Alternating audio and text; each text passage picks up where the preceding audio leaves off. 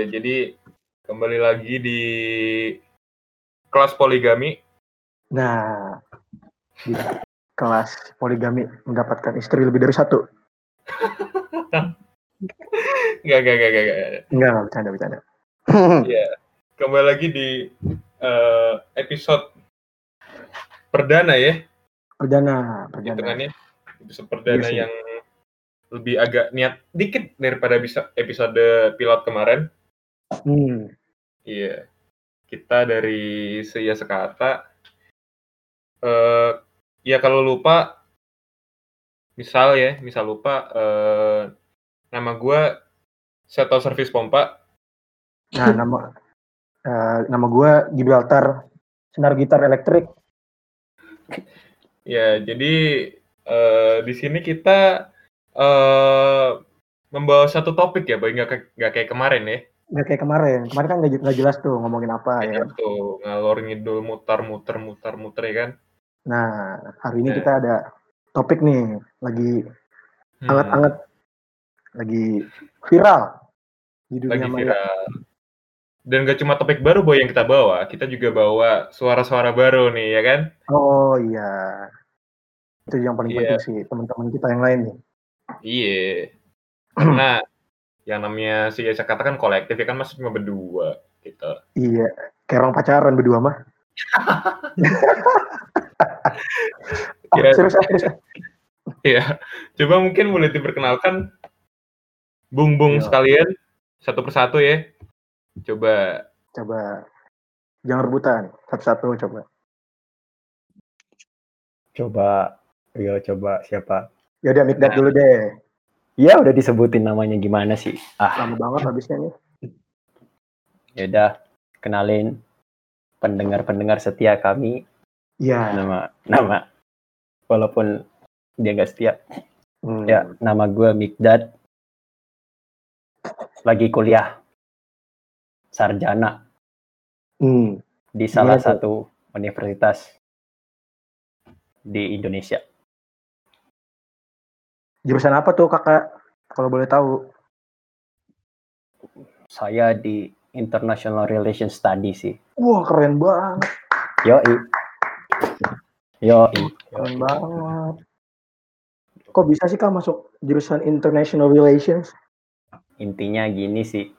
Jadi saya kemarin belajar Hmm. ngerjain soal ya kan, ngerjain soal. Terus Nah. dapat nilai. Nah, Jadi buat daftar. teman-teman, buat teman-teman saya sekata, pendengar saya sekata yang mau masuk jurusan International Relations, dengerin saran-saran dari kakak Mikdad ya. yoi. Jangan gua mulu lah, masih ada yang lain tuh. Oh ya masih ada yang lain, lupa lupa. Ayo, abis ini siapa? Wah, ini kok ini kayak kelas Iya, ya, kayak kelas. Kalau nggak dita- nggak ditunjuk nggak ada ngomong. nah Saya aja deh. Coba kamu yang duduk, coba coba kamu yang duduk di belakang. Nah, Saya mas, saya mas. David, ah David mah udah kemarin. Iya, Coba Arnold. kemarin. Arnold, Jakarta coba. 72. Coba Arnold, Hmm. perkenalkan diri Nol. Siapa tahu ada yang suka. iya. Canda mulu ah Ayo coba kenalin. ya eh, gua gua Arnold Ah, terus ya gua dari ya kuliah di salah satu jurusan gak jelas oh, yang bernama oh. Nggak, nggak bercanda bercanda bercanda jurusan nggak jelas ya? Oh bercanda, bercanda, bercanda. Bercanda ya. Bercanda, bercanda. Bercanda. Jurusan Sama- apa tuh kalau boleh tahu? Nah sebenarnya saya juga nggak tahu sih udah dua semester juga bingung belajar apa Oh. Jadi jurusannya iya, iya. bercandaan. hmm, Hmm, nggak tahu deh mas saya no comment deh mas Terus eh, ngapain lagi hidup lu Not? Coba ya ceritain. bangun makan tidur itu Udah, aja sih bang ya. simpel Hmm. banget ya Simpel ya. Masih ada yang mau diomongin kan Not? wah kagak lah aman Gak ada ya. Dan itu tadi Arnold tuh. Jangan dicontoh ya yang dengerin. jangan ditiru sih. Ya. Saran gue nggak usah jangan ditiru sih. Cukup Arnold lah yang begitu ya. Cukup Arnold aja yang kayak gitu. Cukup Arnold. Ayo siapa lagi? Yo. Loh, kok diem? Halo. Yo. Saya tunjuk nih kalau nggak ada yang mau ngomong. Palura, Palura. Coba Coba. Saya ya. mana nih? Dio, Dio. Nah, Coba. Dio, sebutkan lima nama ikan. ya. Dapat sepeda nggak Om? Sepedanya lagi nggak ada lagi kosong. Ya. Dapat saham Gibran. Dapat Udah. tuh, dapat makanannya kayak sang, kayak sang. Sang pisang ya. Hmm. Ya, Coba jadi Hmm. selamat malam warga Kelurahan Abadi Jaya. Malam. Nah, Kenalkan pagi, saya pagi, pagi. Harus banget dong. Pagi, calon- pagi, pagi. Kepala Babin Kamtipmas dari Hmm. Paslon nomor 51. Hmm. Anjing, ya. banget 51 tai. Banyak ya calon ya. Banyak. Kebetulan pada antusias. Hmm. bagus, bagus, bagus, bagus. Ya, jadi nama aneh Dio Hmm. Arya Lingga. Bisa dipanggil Dio atau Palurah, Hmm. atau bisa dipanggil Sayang juga kalau ada yang mau. Ya, boleh Ya, tuh kalau ada yang mau manggil elah. sayang. Nggak ada yang punya. Sedih. ya. Hmm. Jadi gua di gua kuliah di jurusan yang suka manggil. Soalnya hai hai. Nah. Nah. Nah, Hai. Ya, Nah, Ya. hai hai. nggak ada lagi sih yang menarik soal hidup gue sih. Hmm. Itu dah.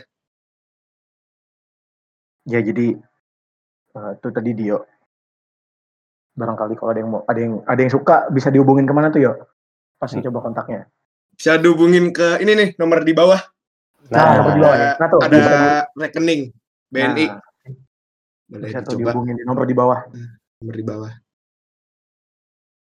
Ayo lanjut lanjut. Yuk, lanjut yuk. Coba siapa lagi ya? Tuh, siapa ayo?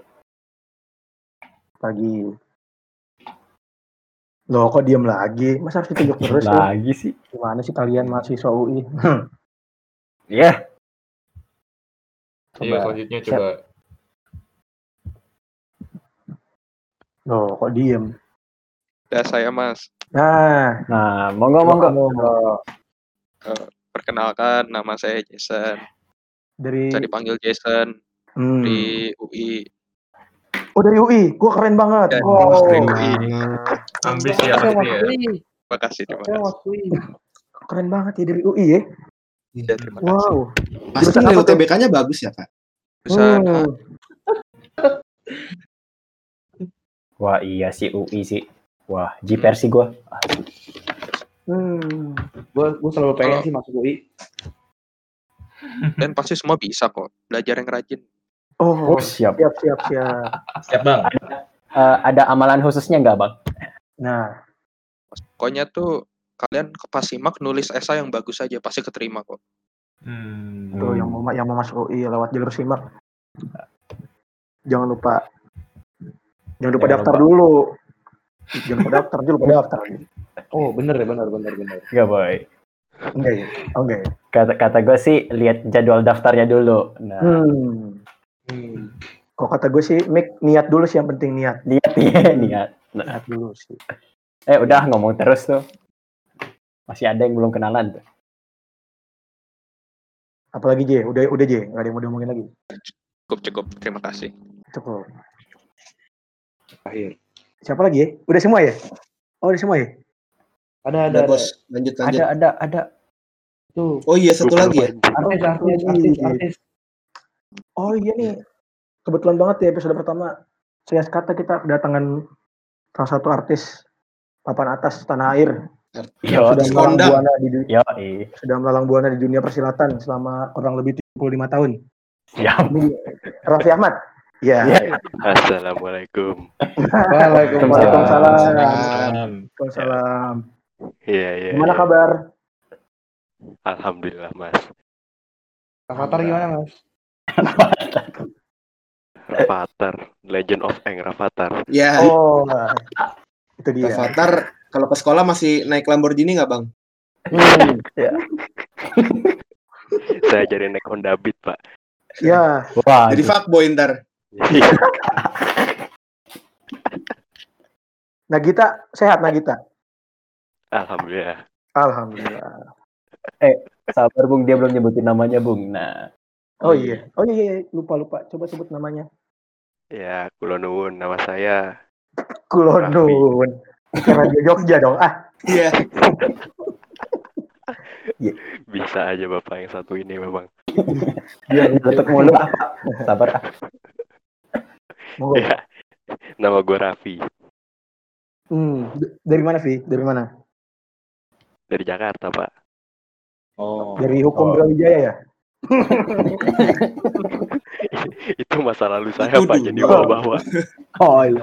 Oh iya, jadi buat teman-teman yang belum tahu, ini Raffi udah lulus hukum Brawijaya, jadi sekarang dia S2 di HI. Cita-cita jadi dosen ya. Jadi dosen Ya gitulah susahnya masuk HI, Pak. Kudu Hmm. kuliah dulu. Oh iya. Hmm, Dan susah banget ya menarik. masuk HI susah banget. Menarik, Ini menarik. harus kuliah dulu. Baru Susah, bisa masuk. Ternyata susah loh, Set. Ternyata susah loh, Set. Oh, susah ya. Kalau kata gue sih harus ambis. Nah, Nah. Ambis. Ambis, ambis sama ambiar gak beda jauh tuh. Hmm. Membeda tiga huruf. Nah, Coba Vi apa lagi Vi? Mau kenalin apa lagi Vi? Eh, udah kayaknya ya. Bagus sekali nih podcast. Bagus sekali. Jadi, Silahkan lanjutkan. Bang Raffi, Bang Raffi. Iya, Pak. Dengar-dengar kemarin Nagita dikasih Rinnegan terus berubah jadi Nagato. Ya, ini dia nih. ini dia nih. Tolong saya nggak ngomong bahasa wibu ya. Wah, maksud Anda apa, Bapak? nah, Wah, Nah, wah. jangan di, jangan di sini ya kalau mau ngomongin ibu-ibuan jangan di sini. Jangan, jangan. Jangan di sini. Tolong Ada, ruang lain. Nah. Ruang rindu. Ada episode-nya Hmm. ntar ya. Oh nggak mau ikut sih gua kalau ada episode nggak mau ikut. Iya. Nggak mau ikut gua. Saya juga nggak ngerti apa-apa. Jadi ini Raffi eh, bertanding 20 kali, mencetak gol 10 kali. Iya, betul. Hmm. Ya. Ya udah gitu aja saya, Pak. cukup banyak juga ya, Boy ya. Banyak ya, banyak ya setnya ternyata. Se- Sekampung bisa sih dihitungnya. Hmm, bisa nih. Podcast Bola sekampung. Mungkin nanti ada lagi mungkin yang mau join kita ya, mau ikut saya sekata juga ya. Boleh, boleh. Boleh banget boleh tuh. Banget. Boleh banget sih boleh itu. banget. Boleh banget. Boleh. Boleh. Hmm. Boleh. Mungkin eh, udah perkenalan kita langsung masuk ke topik kali ya. Boleh sih. Biar substantif, nggak kayak episode kemarin tuh yang nggak jelas itu. Siapa sih itu? Siapa sih itu yang ngomong nggak jelas banget? Nggak tahu sih. Ngasal aja, asal jeplak gitu. Join kayaknya apa ya? Iya, apaan sih tuh? Gue denger sih kesel sih. Hmm. Ya jadi kita mau ngobrolin apa boy? Gini boy, biarkan kelihatan biar kayak eh, biar kelihatan substantif ya kan? Kelihatan substantif, substantif. Padahal Hmm, ya padahal ya biar kelihatan keren aja gitu. Soalnya kita nggak kelihatan keren. Iya. Balik lagi sih sebenarnya. Kolektif ini didirikan biar kita semua kelihatan keren. Nah, Nah, Kelihatan kita ya. nggak keren. Kita nggak keren jadi banyak kelihatan. betul. keren. Udah bikin deh ini kolektif gitu. Nah, balik lagi. Kita mau ngobrolin Balik apa boy? kita mau ngomongin soal mau ngomongin soal zon- zonasi. Nah. Dah, zonasi. Menarik, menarik ya. Mumpung Kira-kira- lagi Ini lagi ini lagi ramai banget kan nih. Tadi juga Zonasi apaan tuh, Bang? Oh, zonasi apa nih biar buat yang belum tahu. Jadi PPDB tahun ini sebenarnya dari tahun lalu sih udah pakai zonasi cuma kalau di Jakarta sendiri tahun lalu zona- zonasinya masih pakai nilai, tapi tahun ini udah beneran diterapin zonasi itu pakai umur katanya. Wah. Pakai umur. Jadi ada sih jalur prestasi cuma eh, katanya umur juga di- juga dilihat. Nah, jadi yang yang bikin rame yang bikin polemik adalah katanya ya anak SMA 20 tahun pun masih bisa masuk Oh. Hmm. padahal bisa aja tuh anak SMA mungkin gak naik berapa tahun ya kan. Hmm. Hmm. Karena paling tua bisa masuk. Nah, Oh iya iya. Hmm. kira-kira gitulah yang bikin sistem zona sistem zonasi ini lagi rame banget. Menarik, menarik, menarik. Jadi memang menjelang tahun ajaran baru itu sepertinya hampir selalu ada polemik-polemik seperti ini ya. Nah, kayaknya emang Mungkin setiap tahun ada aja sih kebijakannya. Iya, ya beberapa, beberapa tahun ke belakang memang apa sih ini sistem zonasi ini masih menimbulkan banyak perdebatan lah Iya. Jadi dia hmm, sebenarnya katanya zonasi itu buat pemerataan pendidikan.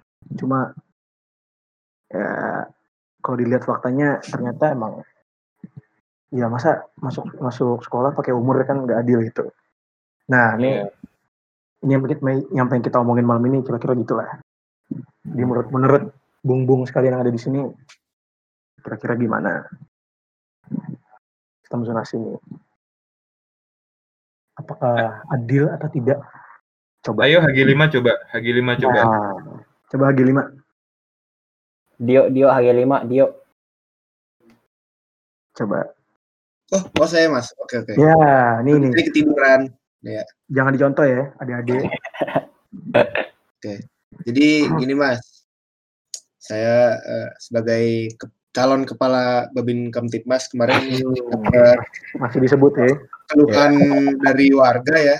Hmm. Jadi apakah apa ya mengingat sebenarnya sistem zonasi ini dijalankan ketika standar sekolah itu masih belum rata, ya kan? Hmm. Jadi ingat kondisi yang seperti itu dan kebijakan ini eh, apa ya dipaksakan berjalan, apakah orang tua yang ingin mendapatkan apa ya, pendidikan yang terbaik untuk anaknya yang harus berkorban begitu? Ngomongnya Karena ngomongnya nggak usah nggak usah formal banget ya, ini bukan skrip. oh iya. Ini podcast kok. kan ini lagi kampanye ceritanya, Hmm. Benar benar. Nggak usah lagi kampanye biar terdengar jelas oleh warga. Hmm. Jadi ya gitulah. Kalau menurut Jadi- aneh Gimana tuh bang? Adil nggak tuh bang? Menurut lu bang?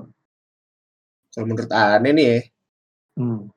aneh sebenarnya apa ya dari tujuannya sih bagus ya untuk pemerataan pendidikan gitu kan tapi perlu dilihat lagi eh apa ya, soal standar dari sekolah itu sendiri apakah sudah merata kalau dari kota tempat aneh tinggal aja Depok gitu kan Ya. ada sekolah negeri ada 13 yang dapat AC kayak baru 5 baru 6 gitu kan Hmm. Hmm, jadi orang fasilitas sekolahnya ya. program bos ya kan gimana nggak protes kan Hmm. ibaratnya yang- ya, ya, ya, ya, ya. jauh dari pusat kota dia pengen dapat pendidikan yang bagus karena terhalang zonasi jadi dia dapat sekolah yang eh, iya dibilang ya nggak bagus-bagus gitu loh gitu sih kalau dari aneh Bang, bang. Mantap bang. Tapi tapi gue bang, gue gue kan cabut SMA waktu itu ya. Terus gue Hmm. pengen SMA lagi bang. Ini siapa yang ngomong ya? Coba, nggak coba. sekolah bang. Yang kemarin nyeletuk. Nah, Oh iya. oh ente jangan-jangan yang kemarin daftar umurnya 20 tahun itu ya Hmm. Iya, Bang. nah Terus gue lulus. Tahu di mana? lihat tuh di TikTok. Coba, coba, coba. ada yang daftar umurnya 20 tahun Waduh. lebih tua dari gua coba Nah, Tapi kan sekolah bang. iya ini kan gimana ya yang muda-muda kan juga banyak yang Iya, pengen sekolah gitu kan berarti emang sebenarnya fasilitasnya sebenarnya dari udah dari awal nggak nggak ini ya nggak nggak merata sebenarnya ya. nah Jadi contohnya di Depok cuma sekolah, Akhirnya- sekolah tertentu yang pakai AC gitu misalnya. Hmm. Benar, benar. Akhirnya udah timbul pemikiran duluan kan kayak sekolah ini nih yang bagus nih. Jadi anak gua harus masuk sekolah ini. Bahkan nggak Hmm. jarang orang orang tua eh, apa ya mengakali sistem zonasi ini dengan bikin apa ya kayak eh mindahin Oh, Apa sih namanya manipulasi data ya, masih manipulasi data. mindahin apa Oh, namanya? Kartu keluarga Iya, atau kartu keluarga gitu Hmm. demi untuk mendapatkan sekolah yang terbaik buat anaknya gitu. Oh iya. Oh jadi pindah gitu ya ke sekolah yang bagus. Mm-mm. Maksudnya Banyak sih di dekat sekolah bagus gitu ya. Hmm. Tapi emang berarti sebenarnya ini berhasil nggak menurut lu bang? Maksudnya apakah emang sebenarnya kalau di- kalau diterapin zonasi ini sistem pendidikan kita bisa merata gitu? Atau sebenarnya menurut lu yang harus dibenerin tuh fasilitasnya dulu gitu? Apa gimana bang? Kira-kira bang? Coba. Kalau siapa nih aneh lagi nih? Ini yang, yang, yang lain tidur apa gimana nih? Tidur. Coba dong. Khusyuk, khusyuk Coba dulu. Kemarin suruh bikin borang. Mau denger dari artis dong. Mau denger dari Ini artis. nilai nilai teman presentasi bang, nilai teman Artis. presentasi. Yang lain Coba ayo Raffi Ahmad, Rafathar mau di sekolah di mana? Coba Hmm. Rafathar. Kemarin Rafathar katanya SMA swasta, 28. Ya, Rafathar mah udah kaya, nggak usah sekolah. Homeschool ya Pak ya? Homeschool, homeschool. Mobil lagi Lamborghini. Nilai. Buset. Eh, jadi gosipin orang nih. Ah, eh, balik-balik. Ayo Bang Raffi, silakan. Langsung Coba. Bang Raffi Ahmad. Gimana nih, Bang? Kira-kira, Bang? tanya komentarnya ya. Hmm. Tapi saya punya privilege loh, Pak. Gimana dong? Wah, aduh, berat ya. Ke mana? Waduh. Itu Harry Kane, apa kabar? Harry Kane? Nah, Siapa itu nggak kenal? Oh nggak kenal ya? nanti ngomongin bola ada episode-nya. Pertanyaannya sebelah. mungkin pendapat lu aja sih, Bang, Bang Pange. Lihat si Oh. tim Lunas ini. Jangan sebut-sebut podcast sebelah lah. Ah, Oh iya. Waduh. Iya, maaf. Oh, iya. Sorry, sorry. ya menurut saya eh zonasi silakan silakan aja kalau semuanya udah sama fasilitasnya gitu aja sebetulnya sama kesempatan. Tapi kira-kira kalau misalnya jadi orang tua nih, Bang. zonasi tuh ngapain ya? Iya. Sebenarnya ngapain gue ngerti. Pokoknya sih intinya eh, bukan nilai, Bang, yang jadi standar utama sekarang. Ada tuh umur? Ya, distrik, umur, distrik, terus distrik. ada pre- jalur eh, prestasi ada yang akademik ada yang non akademik jadi bisa pakai sertifikat lu juara apa lomba apa gitu misalnya Umur Jadi maksudnya harus gimana? UN. Umur umur 12 Umur, tahun Bang. nggak boleh masuk SMA gitu apa gimana? kalau Gini, Bang. makin tua tuh kalau kemarin gue lihat-lihat sih jadi lebih gampang masuk sekolah bang Iya, Sekarang jadi gitu eh, urutannya itu urutan masuknya kalau kemarin lihat-lihat ya berdasarkan umur. Jadi misalnya ada yang umur tahun eh 8 8 bulan 27 oh hari iya gitu. Itu kayak diurutin dari yang mak- dari yang paling tua Hmm, ke yang rendah. Itu kayak sih. masuk TK ya. Nah, yang TK kalau dulu kan Jadi nggak nggak by merit gitu ya. iya kalau dulu kan jelas nih bang nilai UN gitu Hmm. 90 89 gitu kan urutannya sekarang umur 12 tahun 8 bulan bawahnya 12 tahun 7 bulan gitu Kira-kira Gitu. itu tujuannya apa ya sebetulnya? awalnya sih untuk pemerataan pendidikan kan selama ini kita tahu ada sekolah favorit sama nggak sama sekolah bukan favorit ya Iya. ya benar. selama kita dulu menginjak bangku sekolah kan selalu pasti orang tua pengennya udah ma- apa kalau bisa masuk sekolah masuk SMA favorit gitu biar dapat undangan apa segala macam nah Hmm. sekarang Tapi- tuh yang kayak gitu-gitu mau dihilangin sama pemerintah katanya sih gitu supaya kita semua punya kualitas pendidikan yang sama nah Hmm. Tapi ini Bang, kan gimana tuh bang tahun ini nggak ada UN ya. Iya. soalnya nggak ada UN bang Tahun ini ada UN. Kalau kemarin kan zonasi masih eh nyantumin nilai UN, bener gak sih? Betul. kalau di Jakarta Gitu. minggu, oh, eh, minggu lalu tahun lalu kayak gitu bang Karena masih mungkin ada nilai UN ya bingung juga kali ya, karena nggak nilai UN kan. Terus kalau bak- sekolah juga orang nggak tahu kan ada yang nilai di katrol atau gimana. Ya, berhubung nah Iya sih. itu juga adanya masalah pandemi ini ya. Jadi Iya. karena UN ditiadakan sebagai pengganti nilai UN maka pakai nilai itu. Ya nggak sih pakai nilai rapot semester 1 sampai berapa sih? Iya, kayak Iya. SNM gitu modelnya. Iya kayak SNM lah modelnya ya. Hmm. Iya, cuma Hmm. kalau SNM kan jelas ya setiap Hmm. kampus punya ininya sendiri kan. Nah Hmm. kalau sekolah nih kan satu sistem ya kan pakai PPDB. Nah jadi itu itu tadi yang dinilai, yang dilihat umur, yang paling jelas umur sama itu tadi kalau misalnya zonasi ya jarak dekat sama sekolah. Itu kira-kira berapa? Makin dekat makin mungkin masuk ke sekolah tersebut gitu kira-kira.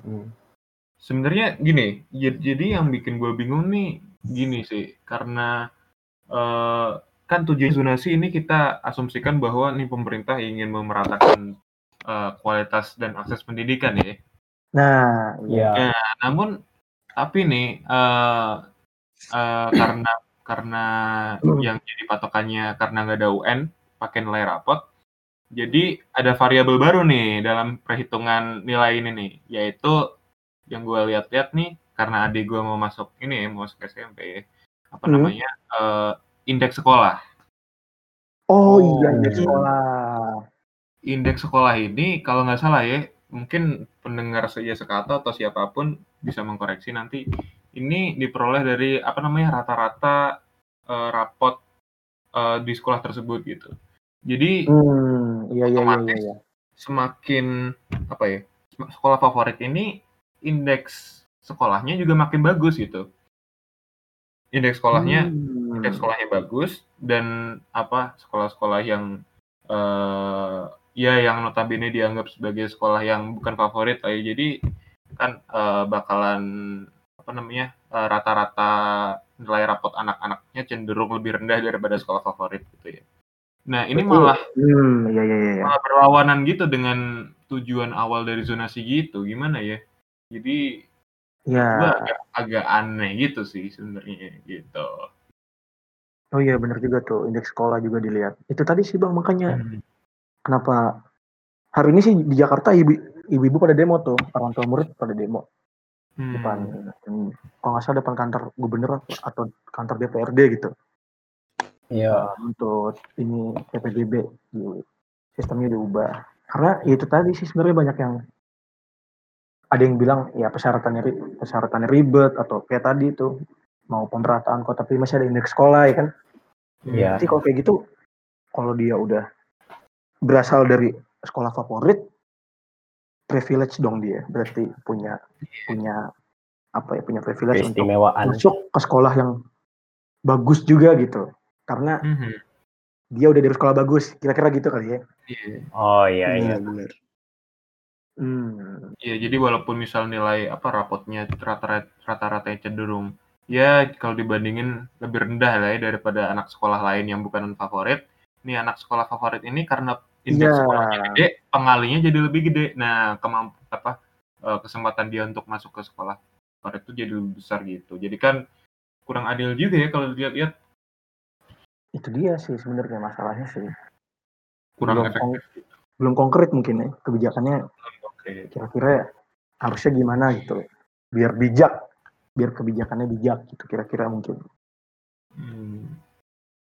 coba mungkin gimana coba Jason gimana aja menurut Jay? Eh, kalau pengalaman gue sendiri sih gue SMA di salah satu sama yang favorit lah bisa dibilang lah. hmm siap bang siap Kalau gue ngelihat sistem zonasi ini, menurut gue sih ini langkah masuk akal kalau dari Iya, pemerintah, konsepnya ya. Hmm. Tapi kayak ngelihat ketidakmerataannya fasilitas-fasilitas sekolah gitu loh. Nah, gue ngelihat sekolah gue eh, fasilitasnya lumayan bagus lah. Nah, sekolah favorit jadi jelas kayak sekolah gue berhasil lulusannya masuk PTN-PTN, jadi pemerintah juga terus ngebantu sekolah gue. Jadi cuma muter-muter di situ aja gitu loh. Antara hmm iya iya iya iya iya yang lain. Gue sih kayak yang orang-orang pada protes itu karena lo mau bikin sistem zonasi ini tapi memaksa anak-anak yang bisa punya kesempatan mencoba ke PTN favorit itu tapi malah kayak ke sekolah yang nggak bisa mendapatkan jalur yang sama lah kayak yang sekolah favorit itu. Iya, karena sebenarnya emang dari zaman dulu ya sekolah favorit nggak favorit tuh udah jadi standar gitu ya buat Hmm. orang-orang orang-orang tua kita, buat kita juga gitu ya. Jadi dari dulu udah dikasih tahun ini kalau SMA nanti di sini ya. Nah, mungkin udah karena udah apa ya standar tersebut sudah mendarah daging mungkin ya dari tahun ke Hmm, tahun. Iya, iya. Dari masa ke masa sekolah favorit. Ya kalau SMA mungkin bisa bisa dapat undangan atau ya fasilitasnya lebih bagus segala macam. Jadi masih ini ya masih belum bisa istilahnya belum bisa dilupain lah ya. Dan sekarang ketika harus masuk ke sekolah yang mungkin bisa dibilang nggak favorit nggak terima mungkin ya orang tua. Iya. Hmm. Jadi mungkin PR pertama untuk pemerintah mungkin ya ini bahwa stigma sekolah favorit dan non favorit itu harus dihilangkan mungkin ya? Atau mungkin Harus dikurangi lah ya? kalau nggak bisa dikurangi dihilangkan ya jadi agar apa ya perspektif masyarakat akan sekolah itu nggak melulu cuma sekolah favorit dan non favorit gitu. Mungkin harusnya gitu ya. Kayaknya mungkin cuma di Indonesia kali ya ada sekolah favorit sekolah nggak favorit mungkin ya atau Iya. gimana Eh, sih cuma di Indonesia sih tahu gue Enggak juga sih bang kayaknya. nggak juga ya gimana Iya. tuh kira-kira Ya pengetahuan gue aja sih. Maksudnya sistem sekolah favorit non favorit tuh ya di kebanyakan negara juga memiliki permasalahan yang sama lah ya. Karena hmm, hmm. Anjay. ya ini mungkin gue menggeneral- generalisir tapi kalau emang pada dasarnya sistem yang nggak merata seluruh Hmm. penjuru gitu pasti akan tetap ada stigma-stigma favorit non favorit ini dan menurut gua sebenarnya mungkin gua kurang apa ya kurang mungkin bakal ditentang tentang pendapat gue cuman eh, mungkin gua yang pas awalnya pas dengar ada kebijakan zonasi Hmm. malah melihatnya ini gue cukup mendukung cukup mendukung ya awalnya Oh. Iya. Kenapa? Karena konsep awalnya sebenarnya bagus karena lu memeratakan sekolah cuma berdasarkan wilayahnya gitu. Dan seperti yang kita tahu itu karena sudah ada stigma SMA favorit non favorit, sekolah non favorit yang ada di Indonesia ini. Nah, makanya itulah yang menimbulkan pertentangan ketika zonasi pertama dikeluarin kan. Nah, Iya, iya, iya, iya, iya. Menurut gua, banget. eh pemerintah melam- ngambil langkah yang cukup berani sih menurut gue ya iya iya iya karena dia tahu ini pasti akan menimbulkan pertentangan tapi kalau untuk menuju hal yang lebih baik ke depannya pasti akan ada pertentangan dari pihak-pihak yang sudah terlalu nyaman dengan keadaan yang lama gitu. Hmm. Oke. Nah, tapi Good ya point. balik lagi tadi kayak abang-abang semua ini udah ngomong, memang penerapan sistemnya kurang merata, pendidikannya Hmm. masih belum merata, tapi uh, konsep zonasinya tetap dipaksakan. Itu juga yang menjadi masalah. Benar. Tapi Gitu, gue ngelihatnya kalau dari gue sendiri ya, gue mikirnya sih kenapa nggak misal guru guru satu kedua fasilitas sekolah ketiga akses atau infrastruktur yang mendukung sekolah tuh kenapa nggak semuanya nggak dibagusin dulu kenapa nggak semuanya di diratain dulu gitu ya. Ya sekolah Hmm. punya standar misal ya ada AC-nya atau ya guru juga punya standar. Karena selama ini mungkin yang gue alamin juga gue ngeliat kayak di satu sekolah nih ada guru yang bagus banget ngajarnya gitu ya. Ada guru yang ngajarnya bagus banget tapi di sekolah lain kayaknya ini satu satu pelajaran kok kayaknya gurunya nggak jelas. Dan bahkan kayak kalau ketemu sama misal ketemu sama temennya dari sekolah lain tuh kayak oh lu belajarnya gini sih nah gitu kali ya jadi kayak ngerasa Iya. Mhm. Coba Emang. bro, mau nimpal bro. oh gimana tuh gimana bro Tahu gua kalau guru nih, nih waktu tahun gua ya, tahun gue SMA, hmm. guru tuh selalu rotasi tiap dua tahun kalau nggak salah. Setelah rotasi. Oh, oh Guru iya gua iya ganti-ganti, iya. men. Iya kan? ganti-ganti Terus kalau soal kalau di Jakarta fasilitas seenggaknya waktu zamannya Gubernur Basuki itu kalau satu sekolah dicat semuanya harus dicat men Hmm. Hmm. Tapi gue setuju sih. dan dan warnanya sama men waktu itu Hmm. SM, SMP apa SMA gue ya dicat hijau semuanya dicat hijau men wah Eh. SMA gue hijau sih SMA lu semua warnanya apa coba SMA gue hijau Gue di Depok juga. relate. Can, can relate coklat. Di Depok. maaf bang Hmm. swasta.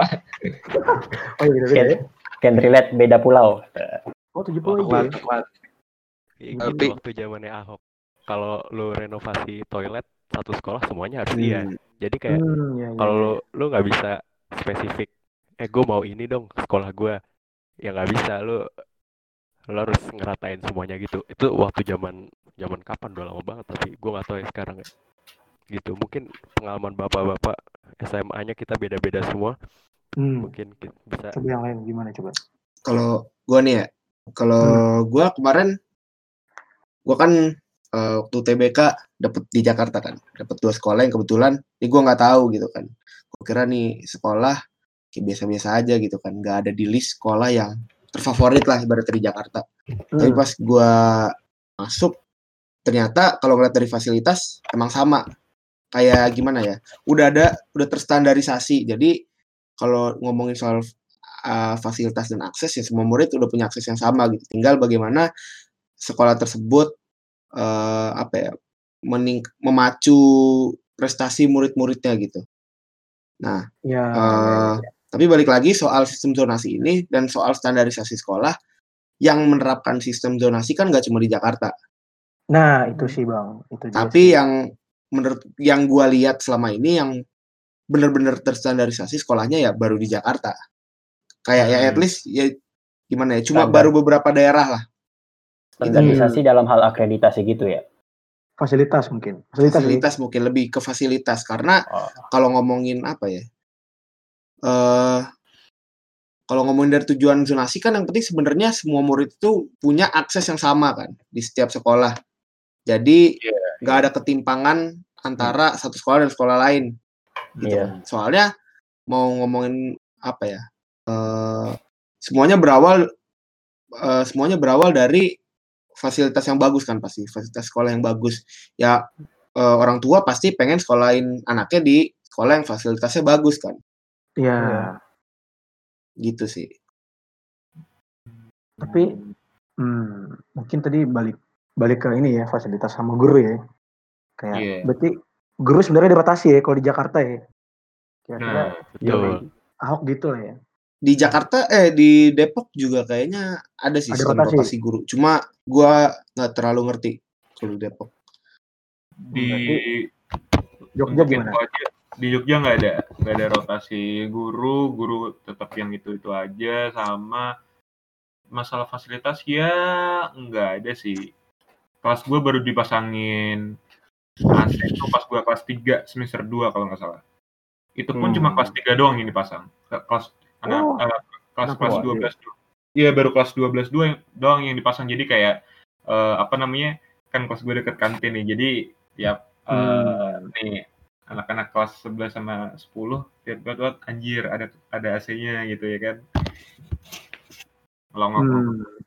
iya Tapi ngeliat-ngeliat gitu sekolah lain juga kayak gitu. Maksudnya emang enggak Oh nah enggak, itu enggak yang juga. jadi masalah itu yang jadi masalah Hmm. bahwa fasilitas kayak gitu tuh masih belum merata gitu.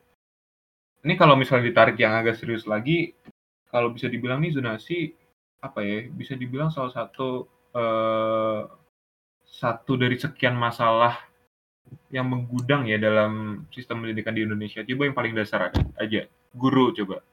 Guru kemarin gua lihat Nah. di Twitter, tempo hari gua ngeliat di Twitter ada apa namanya video eh, guru honorer Hmm? gajinya sebulan Oh, eh iya iya iya. iya. kurang lebih seratus ribu itu kurang jelas sih gue nggak tahu itu sebulan atau seminggu tapi kayaknya sebulan deh Hmm. jadi gimana seminggu. ya seminggu seminggu seminggu ya itu- kalau seminggu pun itu hitungannya juga tetap di bawah iya ini, iya di bawah gaji normal kan. tetap kacau Hmm. banget gitu jadi kayak eh, dia mungkin secara satir gitu ngomong kalau aduh apa sih jadi guru? gitu.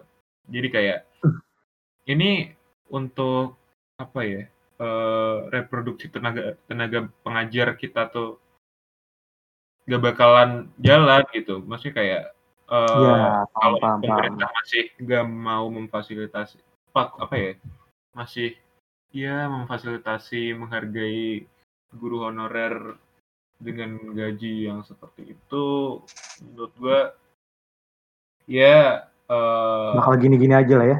iya gak heran kalau eh, kualitas tenaga pengajar itu nggak bakalan merata.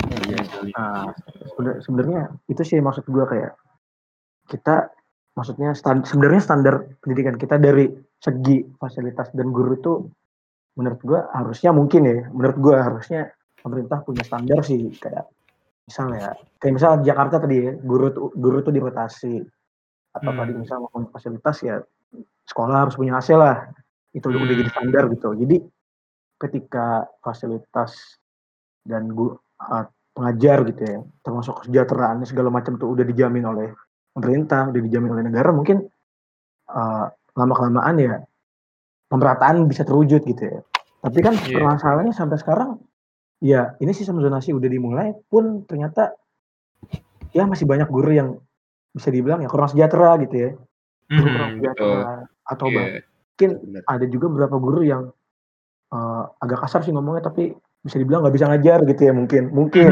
Mhm, Iya, iya. kayak dari segi apa ya dari segi internal dalam infrastruktur pendidikannya itu sendiri pun sebenarnya masih banyak masalah gitu ya. Mhm. dan sampai sekarang pun mungkin belum ada perbaikan tapi tiba-tiba udah, udah zonasi nah mungkin Nah, itu sih permasalahannya mungkin Kalau gimana kira-kira Dio coba kalau gue sih setuju banget ya sama pendapat Seto ya. Gimana ya? Eh, di satu sisi eh, kita tuh sering ngomong soal gimana ya? eh, apakah guru tersebut eh, kompeten untuk mengajar murid-murid murid-muridnya gitu. Tapi Hmm. yang perlu kita lihat lagi bagaimana sebenarnya pemerintah ini udah mengapresiasi guru sesuai dengan beban yang diberikan kepada mereka gitu. itu dia makanya kita ngelihat kan banyak ya seperti tadi banyak guru-guru yang eh, apa ya gajinya ya ibaratnya masih belum pantas lah disebut Belum pantas. gaji ya iya iya iya iya dan Hmm. Ya kita sering Gimana, ngomong lanjut. soal ya guru harus meningkatkan kualitasnya tapi eh, apa yang mendukung guru tersebut untuk meningkatkan kualitasnya gitu itu kan harus dipikirin lagi kan harus dipertimbangkan Hmm, kembali bener banget sih setuju Tuh, banget Gue mau nimpal bro. oh monggo monggo silakan Mau ini nambahin Seto tadi udah bilang eh, masalahnya bergudang-gudang ya, udah bergudang Hmm. Iya, iya. dan dan kayak jaring laba-laba gitu ke mana-mana. Berdebu mungkin bisa dibilang juga Iya, bener juga. Nah, Hmm. kalau selain masalah guru, iya guru. Menurut gue masalah kurikulum men. Kalau guru lu bagus tapi kurikulumnya lu tiap tahun ganti-ganti, bingung men. Hmm, bener-bener Iya. sih Iya iya. Coba lu coba lu bandingin gua sekolah negeri misalnya. Cara belajarnya sama yang swasta.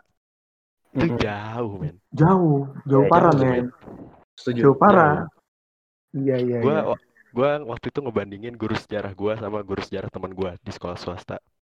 Mhm. eh yang ditanyain ke muridnya di sekolah negeri tuh tanggal berapa sih perang ini kejadian siapa sih dia Hmm, sedangkan iya. yang ditanya di sekolah swasta adalah gimana ini bisa terjadi terus Hmm, apa aja hmm. eh, Hmm. kayak Iya. lebih lebih dalam Ya. lebih kritis bikin ya. lo penasaran lebih punya drive untuk belajar lagi tau gak lo gitu Iya, kan iya. menurut gue. Iya. Iya, iya, iya, iya, iya, iya. Hmm. Timpang Tapi gitu ya. Timpang eh, kebetulan gua kan sekolah swasta tuh. Bener tuh kata Raffi. Hmm. Gimana tuh? Kebetulan gua sering apa ya?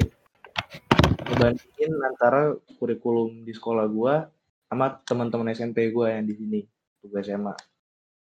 Hmm. Misalnya eh gue di SMA belajar sekadar buku apa tuh buku paket ya Buku paket. Iya. Iya. Buku cetak. Tit, tit langga gitu itu gue namanya buku cetak sedangkan gue di sono dikasih guru swastanya udah lebih dan gue dikasih Surjono Sukanto dikasih ini kasih ini sedangkan teman gue dikasih buku paket gitu gitu Serius lu dikasih Surgino Sukanto? hmm, Wah. Buset. Asik. kayak kayak gitu ya? gitu nah menurut gue harus ada kesetaraan sih bukan cuman bukan cuman pergantian kurikulum yang bisa bikin guru dan siswanya bingung. Tapi mengapa nggak semua aja memiliki memiliki tipe kurikulum dan tipe pengajaran yang sama. Nah, Mm-mm. kembali lagi menurut gua gimana cara lu bikin itu eh tenaga tenaga tenaga pengajarnya ya harus digaji secara tepat. Itu Iya. sih karena di swasta timpal timpal. Gaji guru swasta tuh parah, Bro. Eh, gue mau ya. nanya dah. Gimana? Gimana? Gimana nih? Eh, nih, gue nih, lu pada kan ada yang negeri kan nih, ada yang negeri, ada yang swasta. Di Iya. negeri itu, lu pernah tahu nggak kalau semakin tinggi pangkat guru sebagai PNS tuh semakin tinggi gajinya? Atau Pernah dengar sih. pernah? ya? Pernah Jadi dengar kan, jadi kan gue di, ya kan tadi lu semua berbicara soal Jakarta, Jabodetabek dan sekitarnya ya, dan Hmm. Jogja, Jawa. Jadi gue bawa sisi sendirilah dari pengalaman gue pribadi. Gue tinggal Gimana di Tanjung Pinang di Kepulauan Riau. Nah, Hmm. di mana zonasi ini udah diterapin dari semenjak gua SMP. Dari gua SMP, terus dan sama menimbulkan polemik juga seperti itu. Nah, tapi pengalaman pribadi gue sendiri ketika gua kuliah di Jakarta gitu ya, selama eh, kurang lebih hampir setahun gitu sampai sekarang, gue ngelihat pendidikan di Jakarta itu terkhusus sekolah-sekolahnya itu itu jauh lebih mendingan meratanya dibanding kampung halaman gue. Hmm. Jadi Iya, iya, iya, jadi paham, paham. ketika lihat lu pada diverse ya dari sekolah yang berbeda-beda gitu, Hmm. kalau gua ngelihat kota gua itu ada ini ya untuk kejadian kota gua sendiri ada satu sekolah yang emang sangat diidamkan semua penduduk di sana lah satu Hmm. SMA itu ada Hmm. satu sekolah yang di mana orang-orang berlomba untuk masuk ke situ dan bakal menjadikan menjadikan apa ya ada kebanggaan tersendiri lah ketika lo menyebutkan lo anak SMA mana gue jawab anak SMA itu gitu Iya, iya. ada kebanggaan tersendiri ketika lo bareng-bareng orang dan bahkan setiap biasalah lomba-lomba siswa ya lomba-lomba siswa kalau kita kalau SMA itu berprestasi itu oh iyalah SMA ini nah gitu Hmm. bahkan lawan-lawannya tuh udah tergorong jiper gitu waduh SMA ini Hmm. lagi nah tuh cuman budaya favorit itu di satu sisi kan eh, emang tiap orang punya hak buat mendapatkan pendidikan terbaik ya Hmm. Betul. Tapi- tapi di satu sisi ketika sekolah itu memon suatu sekolah itu memonopoli sebuah wilayah menurut gua Hmm. persaingan untuk mendapat itu semakin tinggi gitu dan bahkan eh, kejadian gua pribadi eh, ada intrik-intrik buat misal eh, keluarganya punya jabatan di daerah Hmm. maka itu akan mempermudah nepotisme lah bahasanya gitu Iya, iya. jadi waktu gua lulus, nah zonasi di kota gue itu juga berubah-ubah ya. Hmm. Ketika gue SMP itu zonasinya berdasarkan asal sekolah. Jadi jadi ketika lu sekolah di suatu kecamatan, misal SMP-nya di kecamatan A, maka SMA lu harus di keca- kecamatan A juga. Yang Iya. Iya. yang itu tetap masuknya berdasarkan nilai lu UN gitu. Semakin tinggi nilai lu UN, maka Hmm. lu akan semakin mudah untuk masuk ke sekolah itu. Hmm. Jadi, tapi se- setelah gua lulus itu ada sedikit perubahan. Ada sedikit perubahan kalau zonasinya itu berdasarkan jarak antara rumah dengan sekolah. Itu Jadi pas kapan? ketika Pas kapan nih? Yang jarak itu Eh, pas kapan?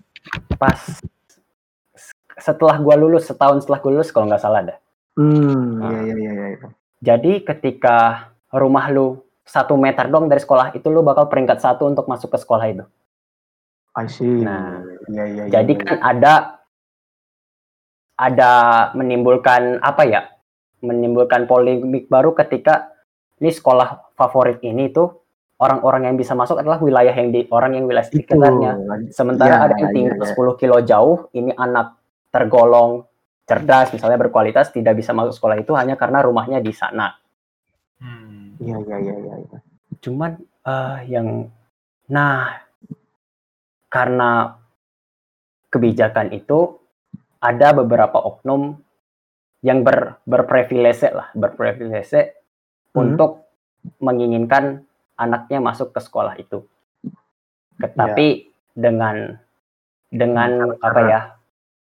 Bahasanya kriteria mereka tuh nggak bisa masuk ke situ tapi ada yang memaksa. Nah, Hmm. jadi eh, untuk ada tuh kebijakan satu sekolah, nggak kebijakan sih. Jadi gini ceritanya, Sa- sekolah itu menerima sekitar 300 siswa setiap Mhm. tahunnya. Hmm.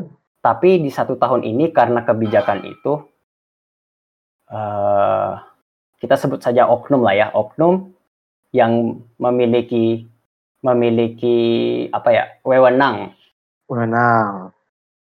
memaksa memaksa sekolah itu untuk menambah kuota penerimaannya Oke, oke. untuk Oh, bisa bisa gitu ya. menambah anak yang masuk gitu. Jadi ketika tahun atas itu cuma 9 kelas, tahun dua Hmm. tahun di bawahnya itu ada 11 kelas. Dan naasnya menurut gue karena membludak membeludaknya jumlah siswa, Hmm. itu lab fisika sekolahnya jadi dipakai buat kelas. Jadi mereka kayak uh, ada beberapa ruang yang harusnya jadi fasilitas sekolah, misal laboratorium atau mungkin perpustakaan atau mungkin aula, itu dijadiin kelas supaya mereka cukup nampung buat murid-murid yang masuk. Jadi Hmm, iya iya. di iya. satu sisi budaya sekolah favorit itu memberi kesan begitu tuh buat eh, memberi memberi budaya untuk orang bagaimana mungkin anaknya Bagi- bisa masuk ke situ. Gimana pun caranya ya. Yang Gimana penting pun sekolah di caranya. situ gitu ya. Iya iya iya. Iya. Nah, Iya. terus ada juga budaya di mana sekolah negeri selalu diprioritaskan dibanding sekolah swasta. Nah, Hmm. Nah, gue kan sebagai sekolah negeri nih di sana. Jadi, wah bro, eh, ketika kurikulum 2013 keluar, gue ingat banget itu ada ada konsep namanya sekolah percobaan. sekolah percobaan. Yoi, Iya, jadi ah, cuma sa- segelintir satu dua tiga sekolah di antara banyak sekolah yang diberi supplier buku untuk menerapkan kurikulum 2013 itu. Ketika kita lulus, misal SMP kan, kita ke SMA jumpa dari SMP yang berbeda-beda kan. Hmm. Ketika kita lulus itu ada eh apa ya? Bukan ketimpangan sih, perbedaan sistem. Jadi produk-produk yang ada dalam satu sekolah itu ternyata beda-beda. Bahwa kan sebelum kurikulum 2013 ada KTSP 2006 ya. Ya, iya iya iya iya. Jadi untuk beberapa sekolah itu masih menerapkan KTSP 2006 sampai sekarang. Dan ketimpa, Oh. ketimpangannya udah mulai terbentuk di situ.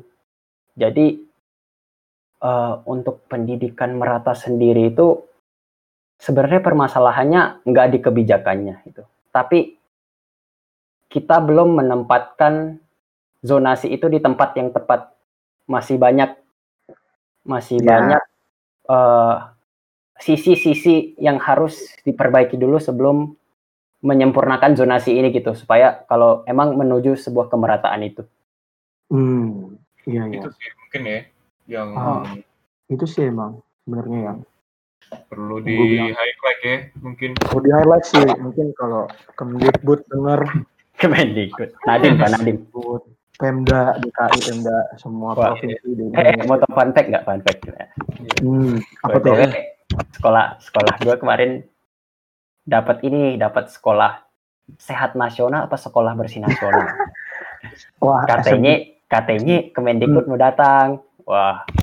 Wah gila bro. Udah nyiapin kompang udah nyiapin pertunjukan udah nyiapin panggung tenda? DLL udah ngurus penginapan staf-staf kementeriannya gitu buat nginep. Hmm.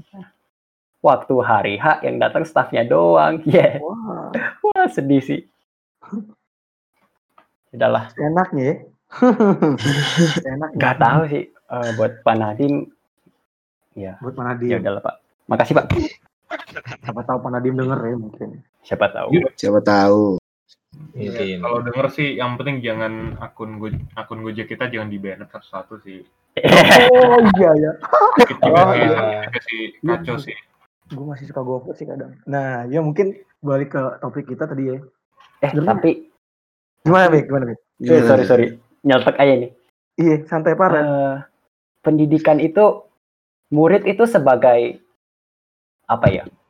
Ma, murid itu eh, seakan-akan jadi produk dari pendidikan kan. Kayak Hmm. jadi kayak eh, bagaimana sistem pendidikan di sebuah wilayah eh, siswa lah yang bakal menentukan apakah pendidikan itu jadi bisa dikatakan baik atau tidak. gitu. Tapi Hmm. untuk membentuk Iya, iya. sebuah siswa ada oknum lagi yang dinamakan guru ya. Iya. Nah, Ya, itu tadi ya. jadi Mhm. yang gua yang gua alamin di kota gua guru-guru bergaji tinggi itu semakin tinggi pangkatnya maka ada istilah apa ya istilah bonus atau apa itu bahasanya ya pokoknya adalah istilah tunjangan, ya semacam itu lah ya. suatu uang Ya itu eh, ya. suatu uang akibat pengabdian lu sebagai guru gitu Hmm, hmm, hmm. ada nggak kayak di Jakarta yang ada rotasi 2 tahun. Jadi di tempat gua tuh ada konsep purna bakti. Bahkan ada guru bokap gua jadi guru gua sekarang. Nah udah Iya, ngajar iya, 40 tahun udah ngajar berapa? Btw gua sama bokap sama kakek gua satu sekolah. Anjay. Hmm. Berarti emang sebenarnya. Itu sih. fasilitas internal infrastruktur pendidikan gitu ya. iya. Mungkin termasuk guru di dalamnya. Termasuk Iya. guru di dalamnya. jadi Sisi-sisi gua kira tersebut. guru eh, sebelum kita eh, me- meng apa ya mengkomentari mengomentari. pola perilaku murid-murid ada baiknya kita perbaiki dulu yang yang memberikan sesuatu ke murid ini guru gitu jadi Ya, kayak itu tadi sih. ketimpangan ketimpangan gaji yang gua rasain itu kadang apa ya ada sih Berpengaruh. Ada sih memang benar kualitas manusia itu beda ada benar jadi kayak bahkan Hmm. guru-guru yang semakin eh, bahasanya semakin berpengalaman nggak semua yang semakin berpengalaman bakal bakal eh, mem- apa ya bakal hasilnya itu seperti pengalaman yang ia punya gitu Belum bahkan banyak gitu guru-guru ya. muda yang lebih yang gue alamin ya banyak guru-guru muda yang lebih memberi insightful baru bagi Iya, iya, iya. siswa-siswa. Guru-guru yang belum PNS guru-guru yang masih honor bahkan guru-guru yang magang dari universitas setempat gitu. Paham, Iya. paham, paham, paham, paham. bahkan Iya, emang ah iya. Itu sih. Hmm, ada ketimpangan apa ya Timpangan. yang gue tuh belum mengerti sebenarnya permasalahan guru kita tuh apakah di orangnya atau ada di atas lagi guru yang menciptakan guru kita masih bermasalah Iya, permasalahan kalian struktural sih. Permasalahan struktural dan sistemik sih ini mungkin. Jadi karena memang ini permasalahannya memiliki akar yang bercabang gitu ya. Jadi emang seperti yang udah dikatain di diomongin sama Bigda tadi eh, emang bisa jadi atau emang mungkin ya apa kalau um apa uh, kita tuh lebih su- lebih suka diajar sama guru Eh, yang guru yang lebih muda, guru yang lebih Iya. muda karena kita merasa lebih relevan gitu mungkin. ya ya ya ya, Cara Iya. mengajarnya nggak terlalu saklek segala macam metodenya gitu gitu gitu. Nah Iya, itu iya. tadi guru jadi salah satu apa ya? Mungkin salah Faktor satu penting.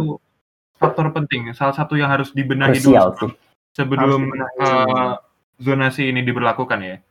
Iya sih gue juga Iya, setuju setuju banget sih mungkin Hmm. bijaknya ya mungkin bijaknya sebelum zonasi pada Hmm. akhirnya diterapkan yang harus diperbaiki dulu tadi mungkin ya guru Iya. fasilitas sekolah eh, sisi-sisi tersebutlah yang kemudian pada akhirnya ketika ini semua udah bagus bisa ngeyakinin murid hmm, dan terutama orang tua murid gitu ya bahwa nih pemerintah udah udah nyediain nih uh, sistem yang uh, diusahakan sama rata dan kalau bisa sama baiknya gitu. Jadi uh, murid dan orang tua murid jangan khawatir karena sistem dan kualitas pendidikan kita uh, bisa dikatakan udah hampir setara lah. Jadi jangan khawatir mau sekolah di mana pun. Harusnya Iya. gitu kali ya. iya. Sih. Iya sih harus di highlight di masalah apa tadi eh, stigma sekolah favorit dan non favorit itu kayaknya memiliki permasalahan yang bercabang gitu coy di bawahnya. Iya. Iya, iya, iya, iya. yang nyebabin eh, yang gua highlight dari eh, omongan eh, lulus semua tadi fasilitasnya kurang merata gara-gara ada Iya. stigma itu tadi fasilitasnya terus eh, kalau masalah eh, bikin masalah ini apa namanya indeks sekolah indeks sekolah Indeks indeks sekolah. sekolahnya jadi iya. beda-beda terus kurikulum Kurikulum. kurikulumnya juga eh, Berubah-ubah. Iya ya. ada kesenjangan kurikulum gitu lah ya Senjangan. Ya, sama eh, kesimpulannya kalau misalnya zonasi ini diberlakukan, nggak menutup kemungkinan adanya praktek praktek eh, nepotisme sama korupsi tadi. Iya. Iya, itu juga sih. Gue korban sih. Mau nambahin sedikit. Eh, lanjut lanjut. dampak dari sistem zonasi ini proyeksi ke depannya eh, yang berubah mungkin nggak cuma apa ya berarti nggak cuma dari sekolah dari sekolahnya aja gitu tapi mungkin akan merubah apa ya sistem eh, seleksi Pendidikan. universitas Betul. Hmm, undangan ya, ya undangan segala macam. Iya, kan? Mungkin bisa nggak ada, mungkin bisa nggak ada kan. Hmm, karena eh lihat dari sistem SNM aja kan mungkin ya kalau dari yang gue lihat kan hanya merujuk kepada mungkin lebih ke sekolah-sekolah yang eh dibilang Iya, unggulan lah ya Jelas jelas. jadi nggak semua sekolah itu dapat kesempatan yang sama. Nah, dengan adanya pemerataan sekolah ini, mungkin nanti pada akhirnya entah bagaimana sistemnya nanti, mungkin sekolah akan mendapatkan eh, apa ya, mendapatkan kesempatan yang sama gitu. Untuk Atau atau mungkin SNM nanti udah nggak ada dan Wah, ya, ada dan tinggal tinggal BK. ujian mandiri dan SBMPTN ya mungkin. Wah. Nah, menarik Wah, sih, asik sih. menarik sih. Asik asik asik. Menarik. Menarik. Bagaimana eh, yang masuk SM? Nah, siapa yang masuk SNM? Oh gue. ya. Sebenarnya intinya sih emang berpengaruh lah ya kalau, kalau Iya. sistem pendidikan secara keseluruhan. Tapi emang mungkin ya mungkin kalau nih kementerian dengar, Pemda dengar mungkin mungkin kalau dengar ya gitu. Mungkin saran kita bisa dipertimbangkan lah coba. Kalau Anjay. dengar, kalau Followers baru 26 tuh. Setidaknya ini dulu lah. eh, Ya, yang 26 yang punya koneksi ke Mendikbud bolehlah ya saya bantu sekata share. jika mendengar Eh, bisa 26-nya kurangin kita jadi berapa dah? Buset. Wah, Ya, jadi siapa tahu kalau misalnya Pak Nadim denger, misal nih ya Pak, tolong di screenshot terus masukin snapgram kalau bisa. Yo, Nah, asli. Yoi, Pak. Tag Taruh di Suyas grup kata. Pak, jangan lupa. Ya? Eh, bro, inget sekarang kita di bawah Pak Nadim, bro. Nah, nah, wah, coba tuh inget-inget. jangan Coba lupa misalnya juga kalau Pak Donald Trump dengar mungkin kasus rasisme di Amerika bisa dihapuskan ya. nanti itu Nanti, nanti, Itu nanti. episode selanjutnya ya. Iya. Iya. Ya, Ya. Itu berat sih, itu berat. iya. Lumayan lama ya kita ngomongin ini ya, zonasi ya. Lumayan lama. Iya. Udah, Lebih- udah berapa lama kita nih? Udah sejam lebih sih. Oh, sejam lebih. Wah, nggak kerasa. Kerasa ya. Cukup substantif lah. cukup substantif. Eh, terlihat berkompeten lah ya. ya. Terlihat berkompeten Iya. lah ya. Hmm. Terlihat keren. Hmm, Terlihat keren. Terlihat keren. Alhamdulillah. Alhamdulillah. Alhamdulillah.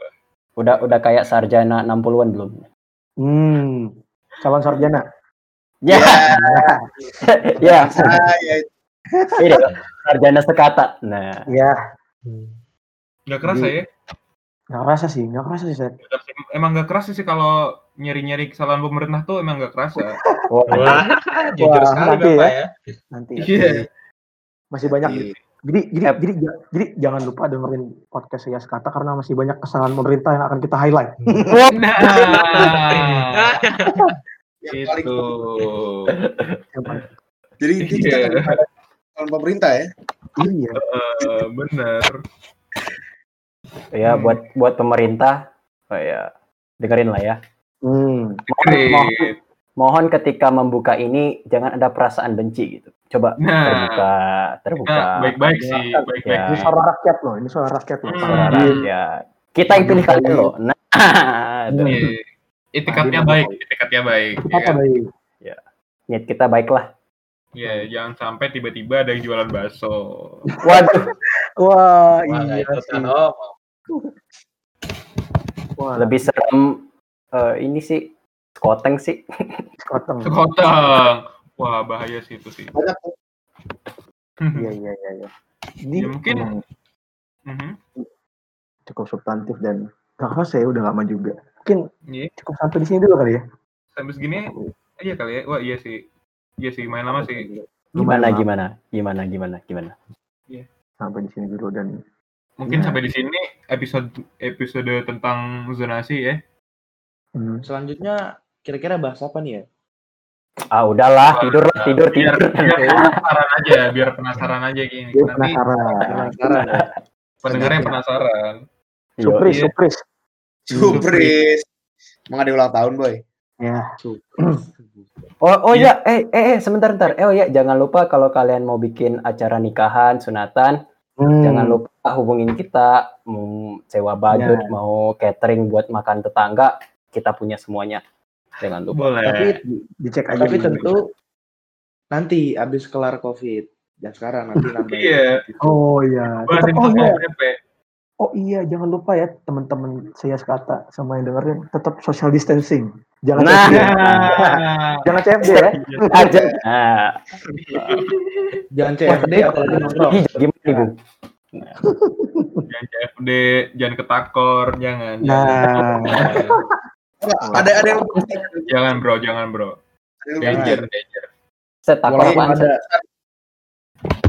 khusus dari apa calon ketua umum Kamtipmas bagi pendengar wah, ya, masih di- masih ya, ingat ya dia.